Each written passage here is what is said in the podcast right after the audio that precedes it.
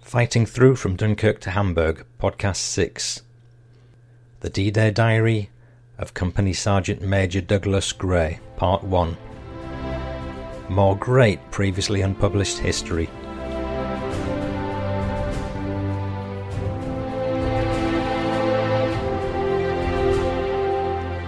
Third of June, 1944. Left Romsey Camp at 1700 hours for embarkation at Southampton. All the civilians seem to have known this is it, and are very enthusiastic about it all, more than I am. Christ, how I envy the blokes that are stopping behind. 6th of June. Sea still rough and still bailing at daybreak. Can see flashes on the horizon in the direction of France. That'll be the bombers. We're supposed to land at H hour. 7th of June. Lead company is out and advanced to contact. Enemy in strength at farmhouse, about one mile in front. Battalion puts in attack, we cover right flank. Four tanks in support.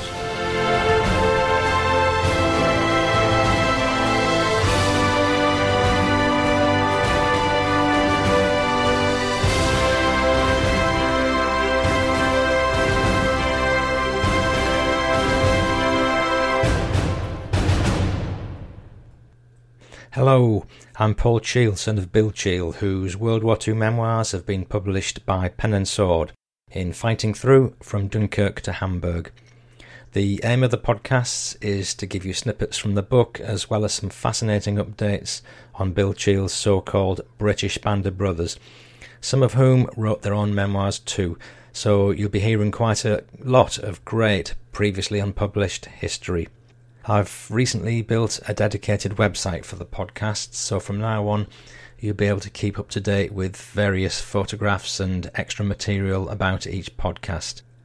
So, for instance, for this one, I've posted up loads of photographs and maps connected to Doug's diary, and uh, also I've posted up transcripts of the speeches which Monty and Eisenhower made in the lead up to D Day to motivate the troops. If you go to fightingthroughpodcast.co.uk, you'll find it. That's fightingthroughpodcast.co.uk. Now, as per custom, I'd like to thank a couple more people for their very generous feedback. First one is by MN Wrecking Crew. I really enjoy this podcast. I've been studying World War II history since I was very young, especially since my dad fought in the Royal Navy. I find this very enlightening and informative, excellent and interesting. Then a second bit of feedback by Sturmcat. Excellent podcast. I started listening last week and I cannot wait for new ones to come out. So far, every single podcast has read like a battle narrative, filled with history, first hand, small unit accounts of individual struggles, as well as the bigger battle around them. Very interesting and well done. Five stars. Well, thank you so much for that, folks. Uh, really appreciated, and I do hope it helps other people to discover and enjoy the show. Thanks again. This episode, I'm presenting the excellent Normandy Diary of Company Sergeant Major Douglas Ernest Gray, 7th Green Howards. And uh, although these guys didn't know each other, uh, he did fight very closely to my dad, who is in the 6th Green Howards. The diary's been supplied by Douglas's son, who's also Douglas. Uh, the entries start just before D Day and finish several weeks after, so it's quite a rare historical record because soldiers were forbidden to keep diaries in case they got captured. I know my own dad, who was in Doug's battalion, once destroyed his own diary pages before going into battle for that very reason but maybe Doug, uh, being a sergeant, had that little extra confidence to ignore the rules, so let's be thankful he did. Son Doug wrote to me about his dad, and he said, My father died in 1991, and his war diary only came to my notice on the death of my mother a few years ago. Like many veterans, he spoke little of his wartime exploits. I, along with my sister Trish, continue to take an interest in those war years. I now live in central France and am very proud of my father and his comrades. Dad was at Dunkirk, North Africa, Sicily, and Normandy. His elder brothers were also seven Green Howards Captain G. E. Gray, captured in Sicily, and Sergeant A. E. Gray, quartermaster. The family came from Bridlington, East Yorkshire, England. After the war, Dad married my mum, Barbara Cookson, referred to as Bids in his diary. She was a Wren, WRNS, serving at Yeovilton. Now, before I forget, I'd like to thank Doug and Trish for their help in providing their dad's memoirs. It's so good that they can now be shared with literally thousands of listeners worldwide. We've got people listening in America, Canada, UK, Australia, Netherlands, 52 different countries in all. So thanks to everybody. Now, the period covered by the diary includes the action which led to Sergeant Gray winning the military medal, and we're going to find that covered both by his diary entry and the citation for the subsequent award. Sergeant Gray fought with the 7th Green Howards of 69th Brigade in the 50th Infantry Division. The Green Howards were a very fine Northern England regiment with proud traditions and exemplary fighting record. 50 Div had a tough war, being in the thick of the action time after time, and it was in the first wave of troops landing on Gold Beach on D Day. The 6th and 7th Green Howards, together with the 5th East Yorks, comprised 69th Brigade of 50th Division, and at various times during the diary you will hear reference to other battalions such as the Durham Light Infantry and the Hampshires, several others. Many of the soldiers were hardened veterans, and each bore a grim determination to exact revenge for the deaths of their fallen pals in previous battles. It's kind of funny, but in preparing the diary for this podcast, I first went through it to remove what might seem like the boring bits, but uh, incredibly, I've ended up removing very little. And even the odd domestic stuff like uh, bathing and sleeping is interesting history in its own way so I hope listeners still find it as relevant as I did. In fact, it, it's kind of surreal how lunch, weather, and two pals being shot up can all figure in the same paragraph. The diary is quite long, so I'm publishing it as two episodes, and I hope that works for everybody listening. At this point, I'd like to introduce some of the characters mentioned in the diary so you know who I'm talking about some of the time. There's uh, Ike Isaac Rawson, who was a best friend of Doug. Doug's daughter Trish said that Ike was always felt of as being a missing part of their family, purely through the way Doug talked about him. There's a photograph of Ike in the show notes at fightingthroughpodcast.co.uk. Uh, another pal of Doug's, Oscar Topham, nicknamed Topper, ran an ice cream parlour, and every Saturday morning before the war, Doug and his son would meet Oscar there for a natter. Doug Jr. has said, I recently looked the ice cream parlour up on Street View and it hasn't changed since the 1960s. Uh, looking a bit down his heel, the neon signs, Knickerbocker Glory, Milks, Sundaes, etc., are just as I remember them. But again, you can see a photograph of the ice cream parlour on fightingthroughpodcast.co.uk. Right, now onto the diary. Um, Doug's entries start just three days before D Day, with the troops camped near Romsey, near Southampton, on the south coast of England, and everybody's waiting for word that they were about to invade German territory somewhere. Enjoy. 3rd of June, 1944. Left Romsey camp at 1700 hours for embarkation at Southampton. All the civilians seem to have known this is it and are very enthusiastic about it all, more than I am. Christ, how I envy the blokes that are stopping behind. Arrived at the Hards at 2200 hours and boarded onto an LCTA, landing craft tank, armoured. Alfie Wright was on board an LST, landing ship tank, moored alongside our boat. Two Centaur tanks, and six Bren carriers make up our load. Pulled out into the Solent among the rest of the invasion crafts, and believe me, there's plenty of 'em. 4th of June 1944, Sunday. Set sail 0715, but invasion was postponed for another 24 hours owing to bad weather. Laid off in the Solent all day. Very small craft ours is, and it looks like it's going to be an uncomfortable voyage. Listeners, before I continue, I'm just going to recite to you the motivating personal message from General Montgomery, which was read out to all the troops around this time. Monty's speech was uh, read out by various commanders as they sailed from Southampton on D Day. I know some of you may have heard this, but uh, it's so very good, I think it deserves a second airing. And uh, this time I've got some music to go with it.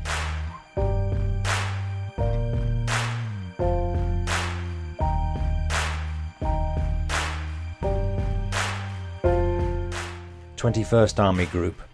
Personal message from the Commander in Chief. To be read out to all troops. The time has come to deal the enemy a terrific blow in Western Europe. The blow will be struck by the combined sea, land, and air forces of the Allies, together constituting one great Allied team under the supreme command of General Eisenhower. On the eve of this great adventure, I send my best wishes to every soldier in the Allied team. To us is given the honour of striking a blow for freedom which will live in history. And in the better days that lie ahead, men will speak with pride of our doings. We have a great and righteous cause. Let us pray that the Lord mighty in battle will go forth with our armies, and this is special providence will aid us in the struggle. I want every soldier to know that I have complete confidence in the successful outcome of the operations that we're about to begin. With stout hearts and with enthusiasm for the contest, let us go forward to victory. And as we enter the battle, let us recall the words of a famous soldier spoken many years ago. He either fears his fate too much, or his deserts are small, who dare not put it to the touch to win or lose it all. Good luck to each one of you, and good hunting on the mainland of Europe. B. L. Montgomery, 5th of June, 1944. Listeners, as my dad then said in his memoirs, we were on our way to make history. There was to be no more waiting, no more exercises. This was it. This was the big battle. 6th of June, 1944, and we were going to give the enemy something to contemplate.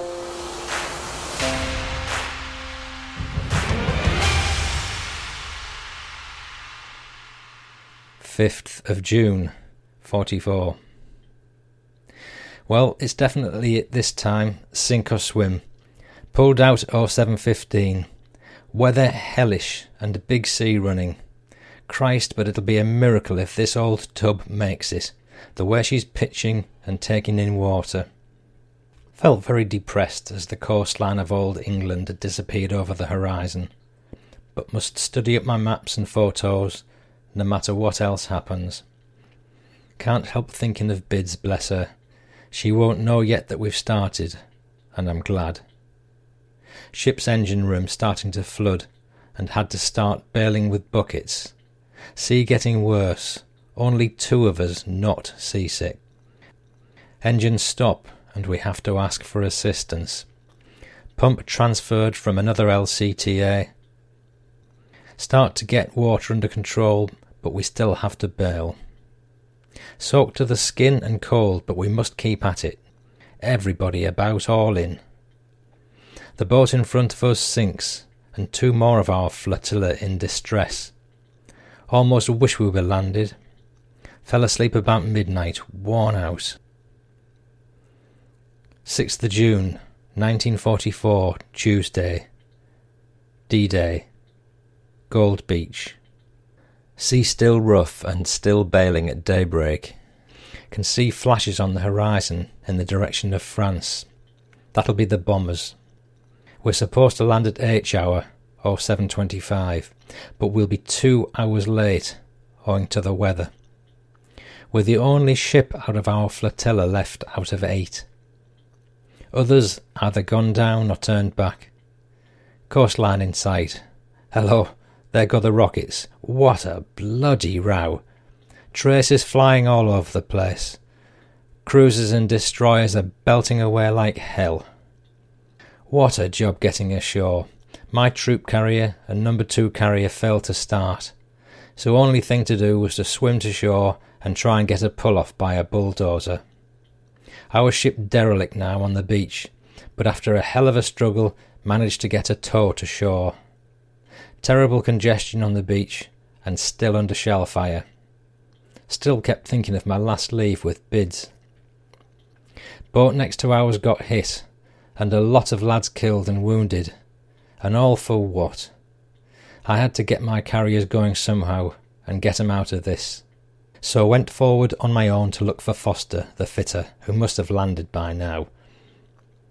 Finally won through and caught up to battalion at Ver-sur-Mer. The beach was absolutely covered with obstacles and mines, but the Navy and RAF had certainly hammered it.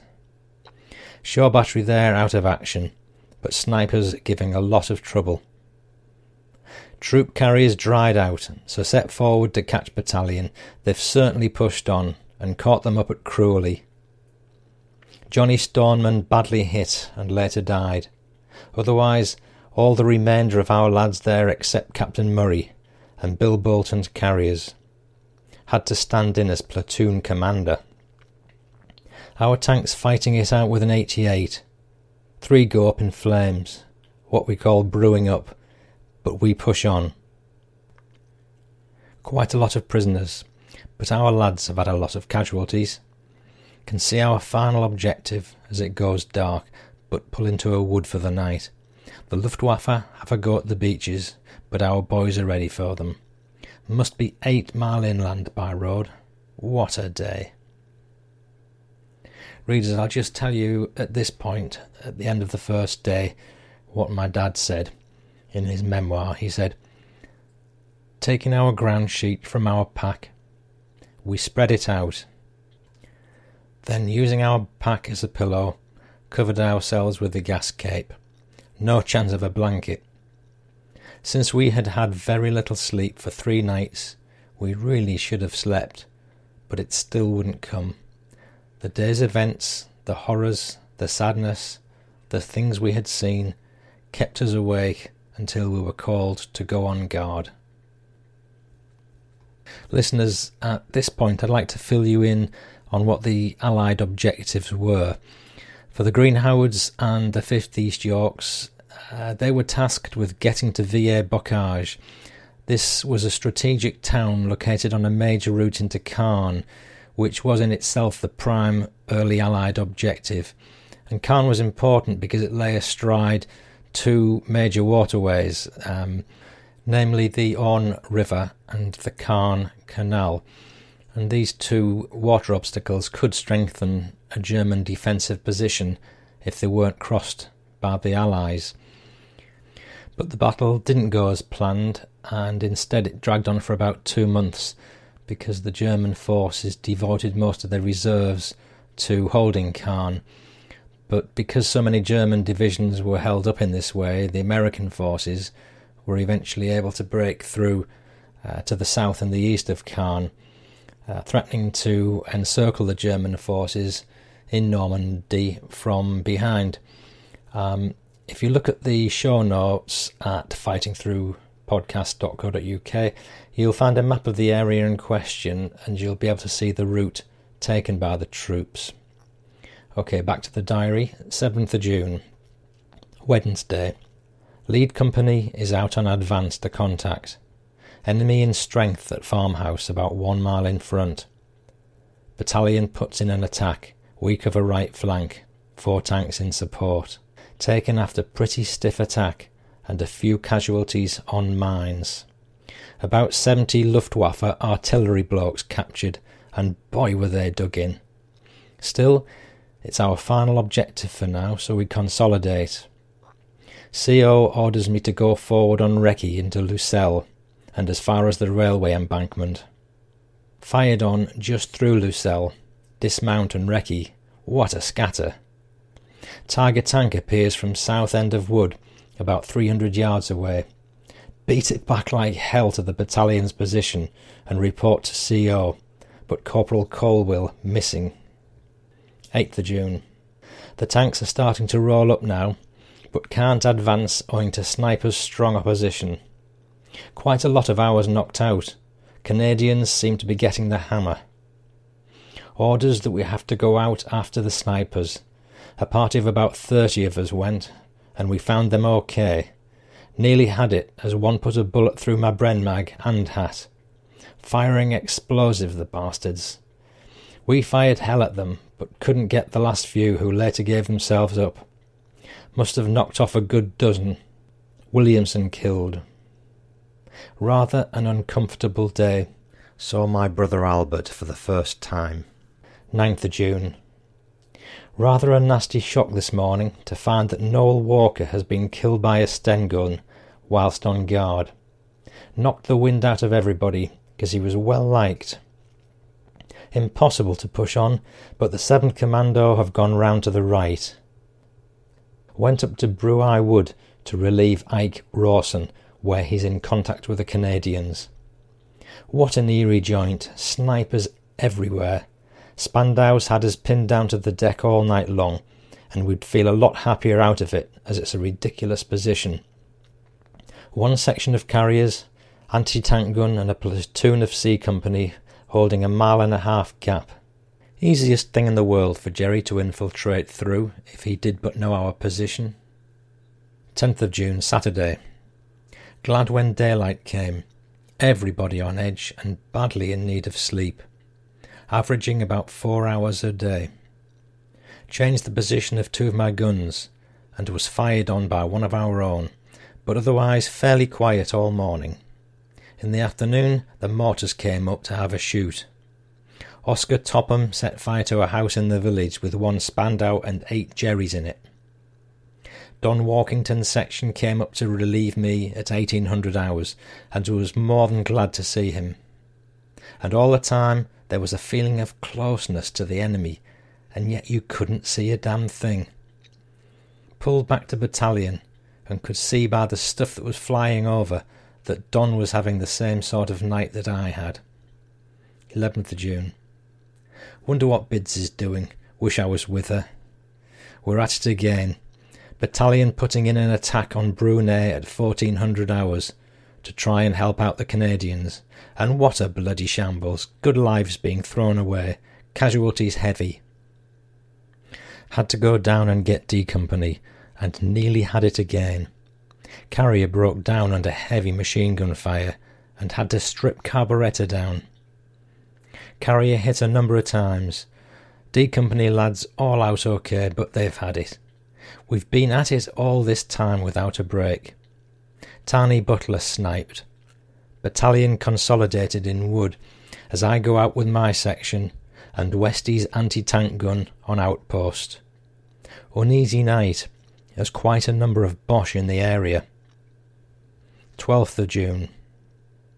Still in the same position, on the watch all day for Jerry patrols, which are trying to infiltrate past us. Managed to get an hour or two sleep. Spandau's pretty active again, otherwise things fairly quiet. Another uneasy night. Weather very much against us. 13th of June. Nothing much doing except for sniping and MMG, medium machine gun fire. Understand we're all getting relieved today. Rumour correct for once. Relieved by King's Own Yorkshire Light Infantry out of Red Ted's Brigade approximately 1700 hours. First break since we landed, and badly in need of it. The lads are absolutely all in, but still smiling. Pulled into a nice peaceful area, right in the middle of our artillery, at Cornes-sur-Seuil, but it'll take more than them to keep me awake. 14th of June, Wednesday. Got up about nine o'clock, very much better, and did a spot of washing. Went to mobile baths in Bayeux, and very nice too. First bath since we left Blighty. Nothing much in Bayeux, typical French town, and already full of base wallers. We've had it. Just got back from baths and had to take second in command forward to La Sonaudière, where we're going to take over from the Devons. Been some stiff fighting around this area, and quite a number of our tanks knocked out, and a couple of his. Old Spandau Joe and his mates had a hate period while we were there, causing a bit of a scatter. Return to rest area about 2300 hours. 15th of June. Up to now, I haven't mentioned the RAF much, but they are certainly doing a fine job of work, and it's very morale lifting to see them up above all this time. Moved forward just behind the 231 Brigade, and got briefed for the following morning's attack. Don't like it, and I bet we drop a clanger. Buried a couple of Hampshire lads who'd stopped one well and truly. 16th of June. Reveille or 300 hours, and battalion started to move forward, carriers leading, at 0530 hours, to form up on start line at Les Aurets by 9 o'clock. A squadron of tanks with us. Started to advance, but didn't get very far before the boys ran into hellish Spandau fire and tanks. Casualties rising, and we kept busy getting them out. Christ, but it's hell. And old Jerry certainly knows his ground. Tanks unable to move on account of the closeness of the country. Boys reached his first objective, but had to pull back because of fire from the rear. You can't see the bastards, which makes things so nerve wracking. Wish that we were back in the old desert. Moved into tactical HQ and consolidated. Strengthened A Company front with our Brens nearly copters that time. In a cottage with CO Captain Murray and Brigadier, when Jerry whipped a tank up and let bang at close range. Brigadier wounded and two killed, but my luck held out again. Wish I could stop a cushy one. About time they brought a fresh division in. Our lads have had it. But they're still sticking. Braid hell out of us all night. Very few old lads left now. 17th June. Took over from the 5th East Yorks, and once more we tried to push forward, but it's sheer suicide. The country's absolutely rotten with snipers and Spandaus. The lads have had it, and they'll have to pull them out. My section take over A Company's position, while they try to advance. Did we get hammered? But we had to stop there. Poor old Topper runs into a Spandau and gets five bullets in him. Marvellous piece of work by an officer getting him out. Doc thinks he might pull through. Hope so, as he's the best sergeant in the battalion and hates Jerry's more than anyone, on account of him seeing his brother killed next to him at Akarit. A Company starts to pull back about 1600 hours, and Jerry spots them, sent over everything he had and just missed it again. Saw three chaps killed by the same shell that knocked me daft, not three yards off me and Ike. Dick Staveley and Alan wounded, and that left three of us to go out and get them out. God knows why we weren't hit. Much more, and I'll have had it, shaking like a leaf, so we'll get the brew on before it gets dark. 18th of June. Pretty quiet morning. Buick Wood but then more fun and games, as the brass hats call it, in the afternoon. God, but they're sending us in again. I knew it would happen. Jerry let us get right through and then counter-attacked with tanks. What hell! The CO, Major Hudson, and all B Company lost. Absolutely overrun before we could dig in. What confusion! But wouldn't be surprised if the lads get blamed for it. At it every day since D Day, with only one break and still no sign of any relief. I thought we were the assault division, and after that we'd finish, but it looks as if we're going to get all the shit again, just as it was in the desert. But we've got to keep going, and something'll turn up, but God knows what. Had to fall back to where we started from, and carriers fought a rearguard, while what was left of the battalion regrouped. Casualties for the day about 250, including the CO and stacks of arms and equipment. Ike's section and mine took up positions with the East Yorks for the night, and then went to strengthen C Company on the morning of 19th of June. If you own a vehicle with less than 200,000 miles and have an auto warranty about to expire or no warranty coverage at all, listen up. CarShield has a low-cost month-to-month vehicle protection plan that covers more parts than ever. Visit carshield.com/audio to find out how you could pay almost nothing for covered auto repairs. Drivers who activate this vehicle protection today will also receive free roadside assistance, free towing, and car rental options at no additional cost. Get your free quote today at carshield.com/audio. That's carshield.com/audio. If it wasn't for this diary, I wouldn't know what day or date it was battalion more or less regrouped as much as possible. Pouring with rain and a cold north wind blowing, everybody soaked to the skin and very miserable. Must be great to be in England right now.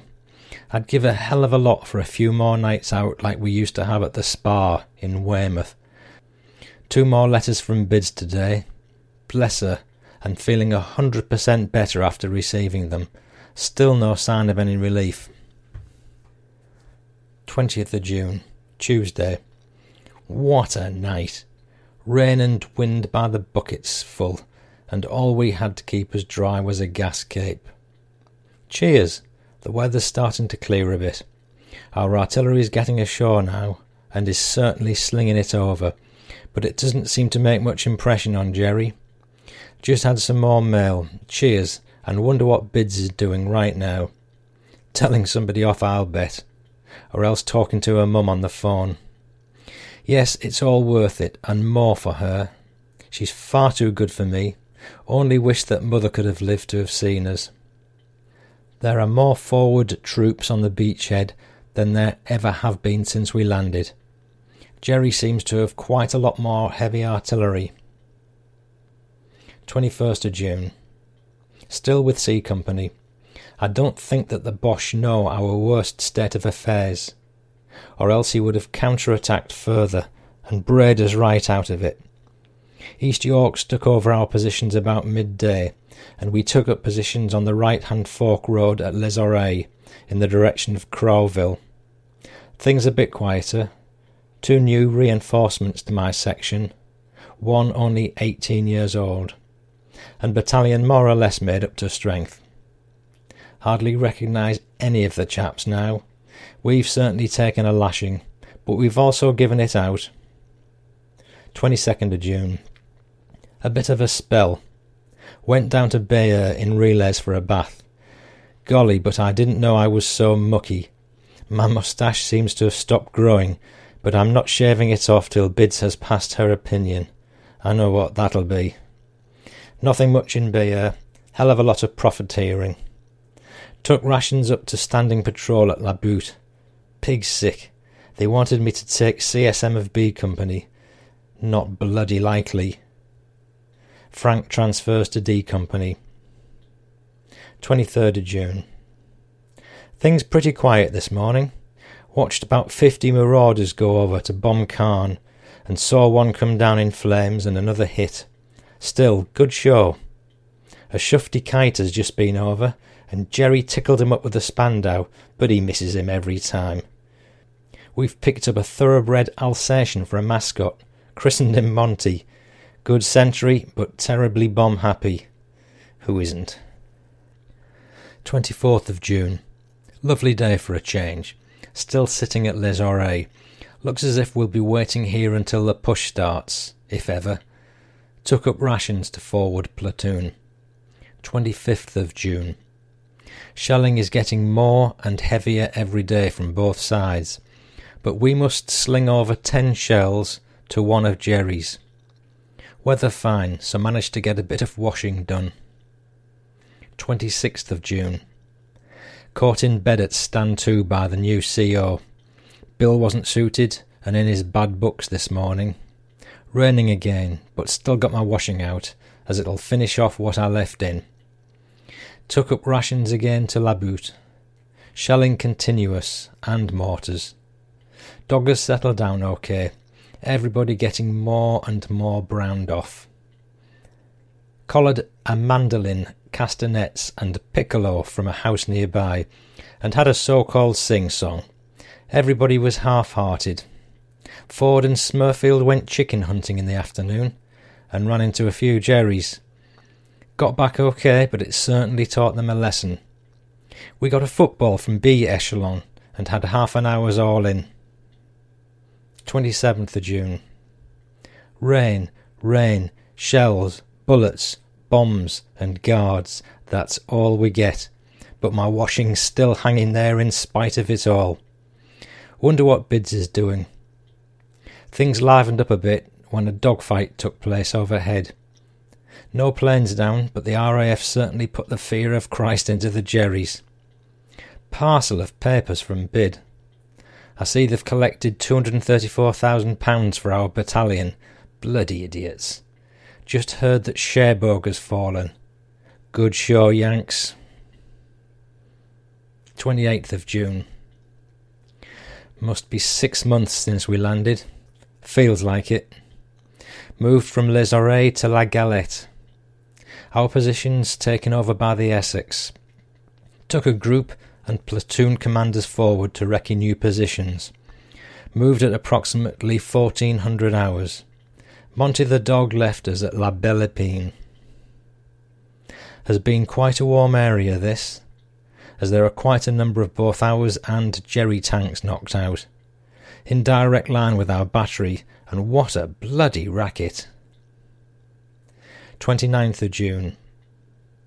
Weather still unsettled. Cleaned all weapons in morning.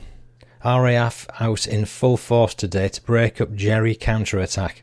Otherwise things pretty quiet. Had a good sleep in the afternoon. Listeners, I'll just pause to mention that this is the day my dad got wounded, uh, not far from Villers-Bocage and uh, it's interesting to read the next day's diary entry from Doug because there seems to be a, a slight sense of sweet revenge going on for what happened to my dad. He was uh, wounded by shrapnel from a shell coming from who knows where, possibly from Villers-Bocage because it wasn't far from there. Anyway, here we go, 30th of June. Hell of a night from our guns and Jerry's bombs, but slept through most of it saw the most inspiring sight over 250 Lancasters and Halifaxes, and hundreds of fighters came over and dropped over a thousand tons of bombs on Villers-Bocage just in front of us. What a sight! Four down. Artillery and fighters carried on from where the bombers left off. Another noisy night. 1st of July. Pretty quiet day. Went out at night in front of the battalion spotting Jerry's artillery flashes, or trying to. Sat on top of a 30 foot trig point with Captain Murray, perfect target for snipers, and was I glad to get down again. 2nd of July. Sunday, and I've just been laid on my bed thinking of the Sundays with bids. Went to Kip around 6.30 and stopped there till 11.30. No energy left all in and in need of a decent sleep and exercise. Our fighters doing a spot of dive bombing and strafing. Four or five of us started to kick about with a football, and it ended with about thirty of us playing a free for all. Took our minds off the war for a bit. 3rd of July. Weather lousy. Changing positions with the 6th Green Howards tonight, and I'm not looking forward to it. Absolutely browned off. Wish the push would start. News in general pretty good. Moved into new area at 2000 hours. Took over forward positions from six Green Howard carriers. Lousy position and shelled and mortared at night. Place stinks of death and the fields are littered with rotting cows. Two dead Jerrys for companions. 4th of July, Tuesday. Pulled out of my positions as the CO didn't like the idea of us being there, and moved into field near battalion headquarters. About 17 casualties so far, and we've only been here 12 hours. Slept all morning. So many of us went to Bayeux for baths in the afternoon and saw some English nurses. On arrival back, informed that I'm LOB, left out of battle for 48 hours. First time in four years. Quite a change, everything quiet and peaceful from up there. Got quite merry with the boys and Captain Mason, and got to bed at oh two hundred hours. 5th of July. Spent all day sleeping and drinking tea. Played football at night. Hell, but I bet that it's great in Blighty right now. Could just do with a swim up the Riviera with bids. 6th of July. Just heard that poor old Topper has died in hospital at Portsmouth. Bad show, and everybody cut up about it. Lectured in the afternoon by Army Educational Corps Sergeant on the war. Looks simple on paper. Moved back into line at 1600 hours. Went up to forward company with carrier. Stacks of mortars and shrapnel otherwise quite a peaceful night. One month since D Day. 7th of July. Still at it, and still no sign of the push to Caen starting. Our artillery sling over a hell of a barrage for seven minutes, as we had a patrol pinned down by Jerry and couldn't quite get them out. One officer and two men unable to get in. Jerry retaliates and shells them. Quite a few casualties. Rumours of going home by the month end. Ha ha. Wish that we could get relieved for good. Absolutely browned off, and who isn't? Very few of the old lads left now. All it is is a process of elimination. The RAF came over again this evening and bombed northwest of. Two thousand tons dropped to open the push at that end of the sector. Good lads. 8th of July. Jerry got a bit narked this morning and started a counter attack, but our artillery quietened him down. Found a cherry tree and gave them the big licks. Made a bet with Woy that Paris won't have fallen by 8th of October. Five shillings. 9th of July. Weather unsettled. The typhoons came over and bombed and strafed long range. Quietened Jerry for a bit. Enemy tries to counter-attack the East Yorks on our right, but again gets brayed off. Caen fallen. So, listeners, that's a major strategic objective sorted in Caen. Uh, the next few weeks fighting for the division involved a weary, trudging, grinding battle through the French countryside. 10th of July. Durham's taken over from us today and we're going back to our old positions at La Galette. Good thing, but I have a feeling that we'll be putting a Duffy in before long. Relieved at 1830 hours. Jerry must have heard the transport moving as he did a spot of extra shelling and mortaring. Seems lovely and peaceful now, although we're only 500 yards back. Had a free for all with the football before turning in. 11th of July. Stand twos get me down. Nothing but an absolute waste of good sleep. Two centuries would be sufficient. In a real browned off mood this morning. Cleaned all weapons. Had four hours kip in the afternoon.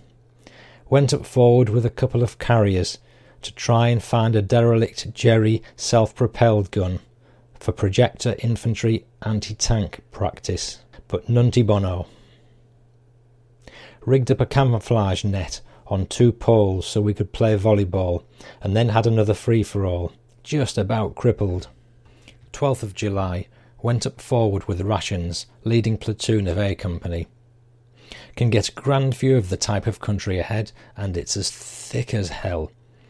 What a change! Bread! A loaf between four. First since we left Blighty.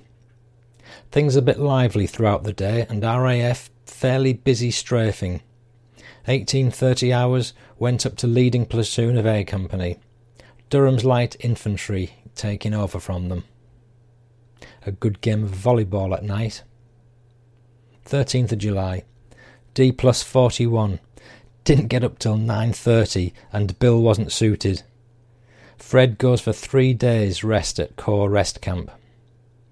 Rumour still strong of going home for another landing. Had a bath and did some washing in the afternoon.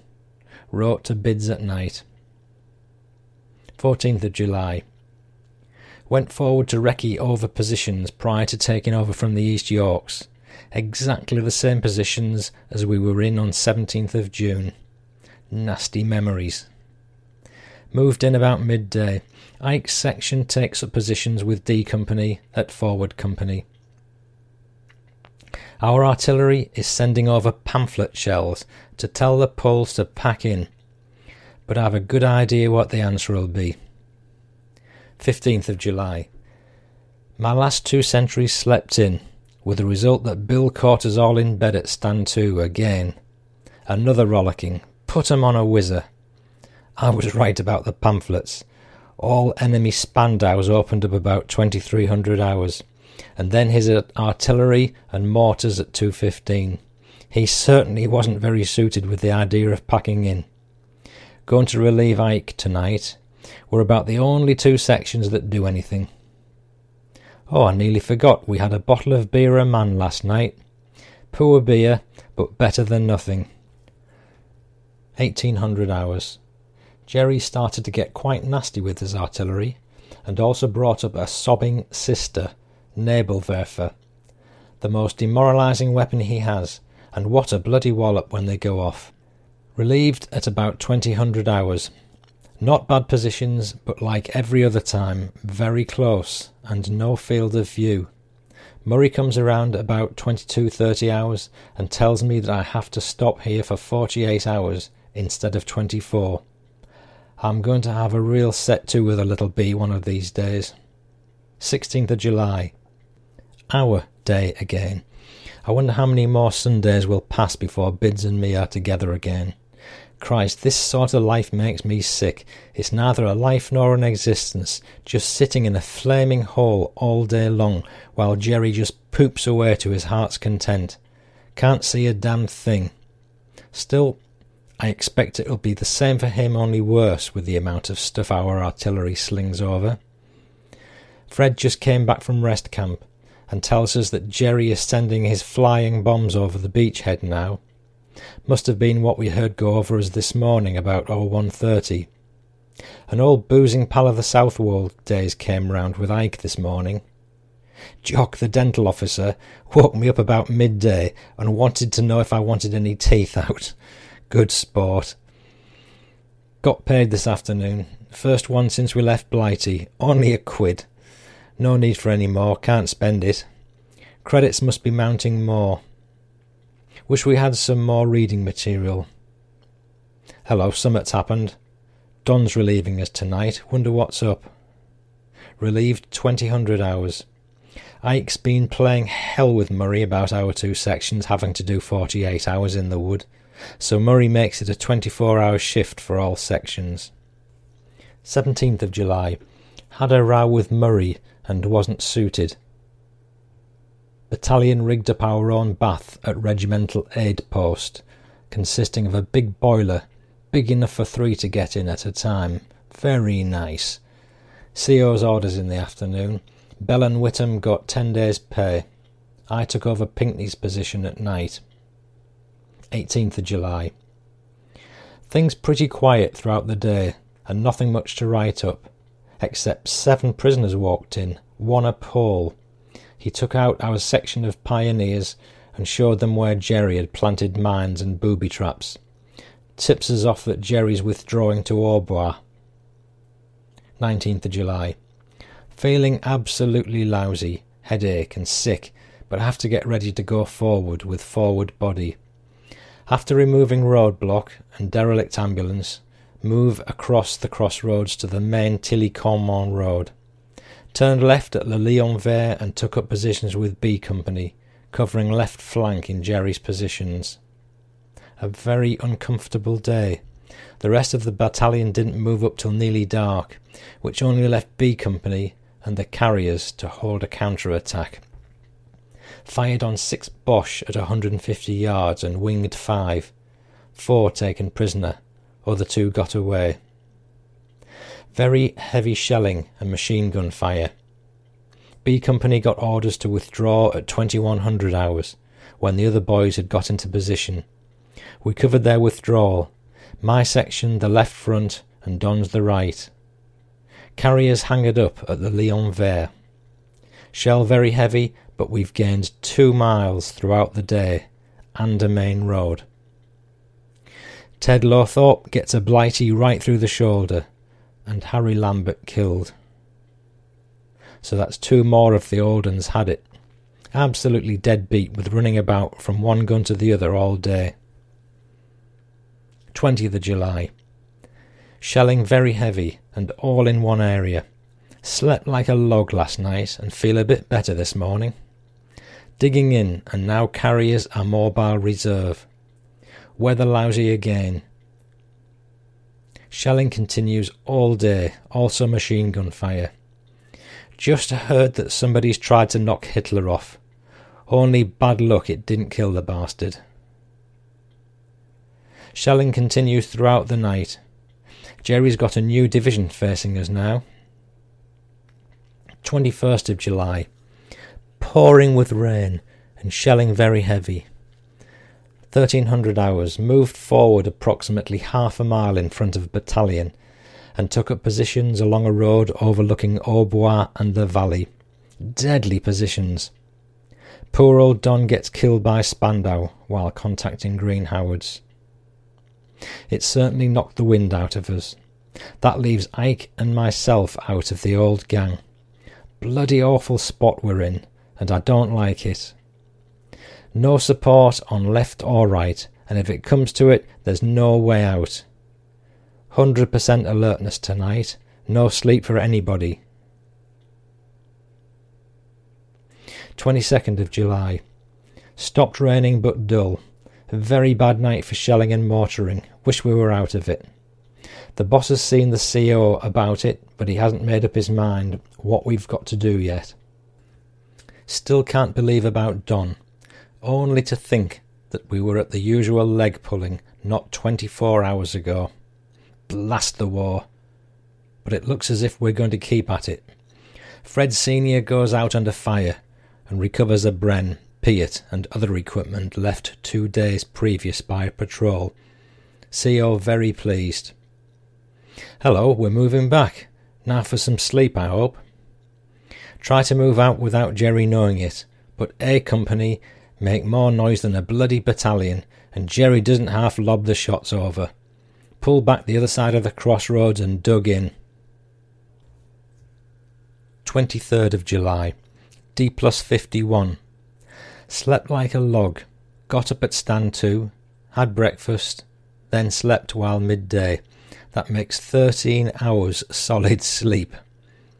Understand that Don's body's been recovered and buried at the advanced dressing station. Can't believe it. Relieved Ike's section at 1500 hours in forward positions. At it again, Jerry with his little capers, mortars, and shelling. All in our area, but no casualties. Plenty of small arms stuff flying about. No sleep again for us tonight. 24th of July. Sleepless nights and quite a spot of shelling. Ike relieved us at 1000 hours.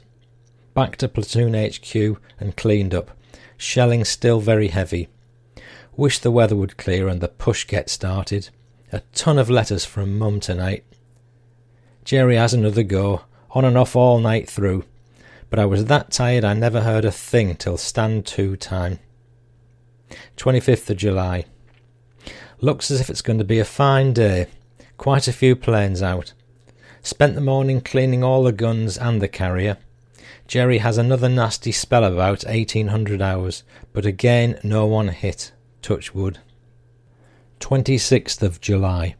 Shelling very heavy this morning. Two signallers got smacked. Removed mine trips off the crossroads and dug covering positions. More SIGs from Monty Shelling and mortaring all day. 231 Brigade relievers tomorrow. Believe we're having four days rest and not before time. 2300 hours. Shelling landing within 25 to 50 yards. Very uncomfortable. 27th of July. 231 Brigade taking over tonight. Went up to forward positions and relieved Ike, and certainly warmed us up there. Patrol goes out and gets pinned down. Non return. Day seems very long. Devon took over at 1900 hours. Pull back to a decent rest area about six miles back. Very nice. Can do with it 'cause my hands are none too steady. 28th of July, Friday. Reveille 7 o'clock. Breakfast 0800. Cleaning and checking carriers and kit all day. Very browned off. Went to see Brother Albert tonight. 29th of July. Reveille 7 o'clock. Got dished out with new battle dress. Then did drill parade and PT. Some rest, the bastards. George Formby gave us a concert this afternoon, and very nice too, but it's like trying to get blood out of a stone, trying to get a laugh out of us. Took some photos of Don's grave. NAAFI up at night. 30th of July. Church parade and day of rest. We had a sergeant's boozing party at night and absolutely passed out. Deadly. 31st of July. Busy cleaning up in general, baths in the afternoon, otherwise just resting. I believe we're moving tomorrow. 1st of August. Prepare to move 1000 hours. Taking over from the 130 Brigade, moved off at 1500 hours. Typical army. Moved to Caumont. Plenty of mines and dead cows. In other words, it's a bloody filthy area, just like the 130. Very heavy bombing raid, with stacks of anti personnel bombs. Very uncomfortable. Roads chock a block with stuff moving. 2nd of August. Wednesday. Listeners, this is Military Medal Day for Doug, though he doesn't know it at the time. Hello, an attack coming off. Moved out at 1400 hours and led the column to the start point. We're attacking high feature of Amayé-sur-Seulles about five kilometres away. Our carriers are to advance with tanks and fire everything we have in support while the boys come up with the main attack. Phew, what a to do. We got there okay and into positions when Jerry opens up with all he's got Spandaus, mortars, dozens of 'em firing at us at point blank range. Bill gets it, a bullet in his shoulder and out of his back. Joe Garbutt did a marvellous show getting him out under very heavy fire on his motorbike. D Company arrived and we're pinned down for quite a time, but we finally won through with a final bag of 117 prisoners, including six officers and quite a number of Spandaus and mortars captured. Ike then took up positions on the left flank looking north, and were subject to heavy fire all night. Listeners, I'm now going to read you the official citation for this military medal action. 439 Sergeant Douglas Ernest Gray, 7 Green Howards, Military Medal Citation. On 2nd of August 1944, the carrier platoon was given the task of covering the deployment of a rifle company of this battalion that was being sent forward on a troop of tanks. The position they had to take up was within 150 yards of the enemy and far more exposed than appeared on the map. Sergeant Gray was in command of the leading section of this platoon. The enemy allowed this section to come within 150 yards of his main position before opening fire. The fire was intense and was later found to include at least eight Spandaus and four 81mm mortars. The NCO calmly deployed his section, and by his inspiration and lack of regard for his own safety, kept his section continuously in action until the rifle company had deployed. Subsequently, he was ordered by his platoon commander to withdraw to a less exposed position and move to a flank to cover the assault by the company. This he succeeded in carrying out in a thoroughly orderly fashion. The section continued to give support under his control very effectively for at least an hour from a still fairly exposed position. Sergeant Gray himself operated a 2 inch mortar until all ammunition was expended. The action of Sergeant Gray and his section was an inspiration to the whole platoon, and the covering fire support given very materially assisted the whole battalion plan of attack. Throughout this action, he showed a high standard of leadership, his courage and lack of concern for his own safety being quite outstanding. Well, listeners, um, my goodness, what a scenario. I love the slightly understated way Doug describes the situation, but so well deserving of a medal. So uh, well done, that man. Uh, by now, you'll have worked out that there's just no let up in the ferocity of the fighting. Uh, day after day, it's been going on, and it, it's set to continue apace in what's going to be part two of this podcast. I'm just pleased my dad got a blighty one because I think if he'd carried on, uh, there would have been a good chance that he'd have got killed, judging by the way Doug's comrades are being taken out left, right, and centre. Thank you so very much indeed, Doug, for all that. Some really priceless history. And we must all be grateful you took the trouble to write that diary um, while it was fresh in your mind no doubt with shells whizzing overhead at times. So I'm proposing to take a break at this point and continue with the rest of the diary in the Doug Gray Diary Podcast Part 2. So, no more formalities right now. I do hope you've enjoyed listening and you'll catch up again soon in Part 2. But will the Allies take the Bocage? Keep subscribed, my friends. I'm going to finish now with my new theme music. It's called Our Mighty Hearts, and I hope you love it as much as I do. And don't forget, you can contact me on fightingthrough at yahoo.com or visit the new show notes at uh, fightingthroughpodcast.co.uk for more episode details, photos, social media and feedback links, etc., etc., etc. For now, I'm Paul Cheall saying bye bye now. See you in part two.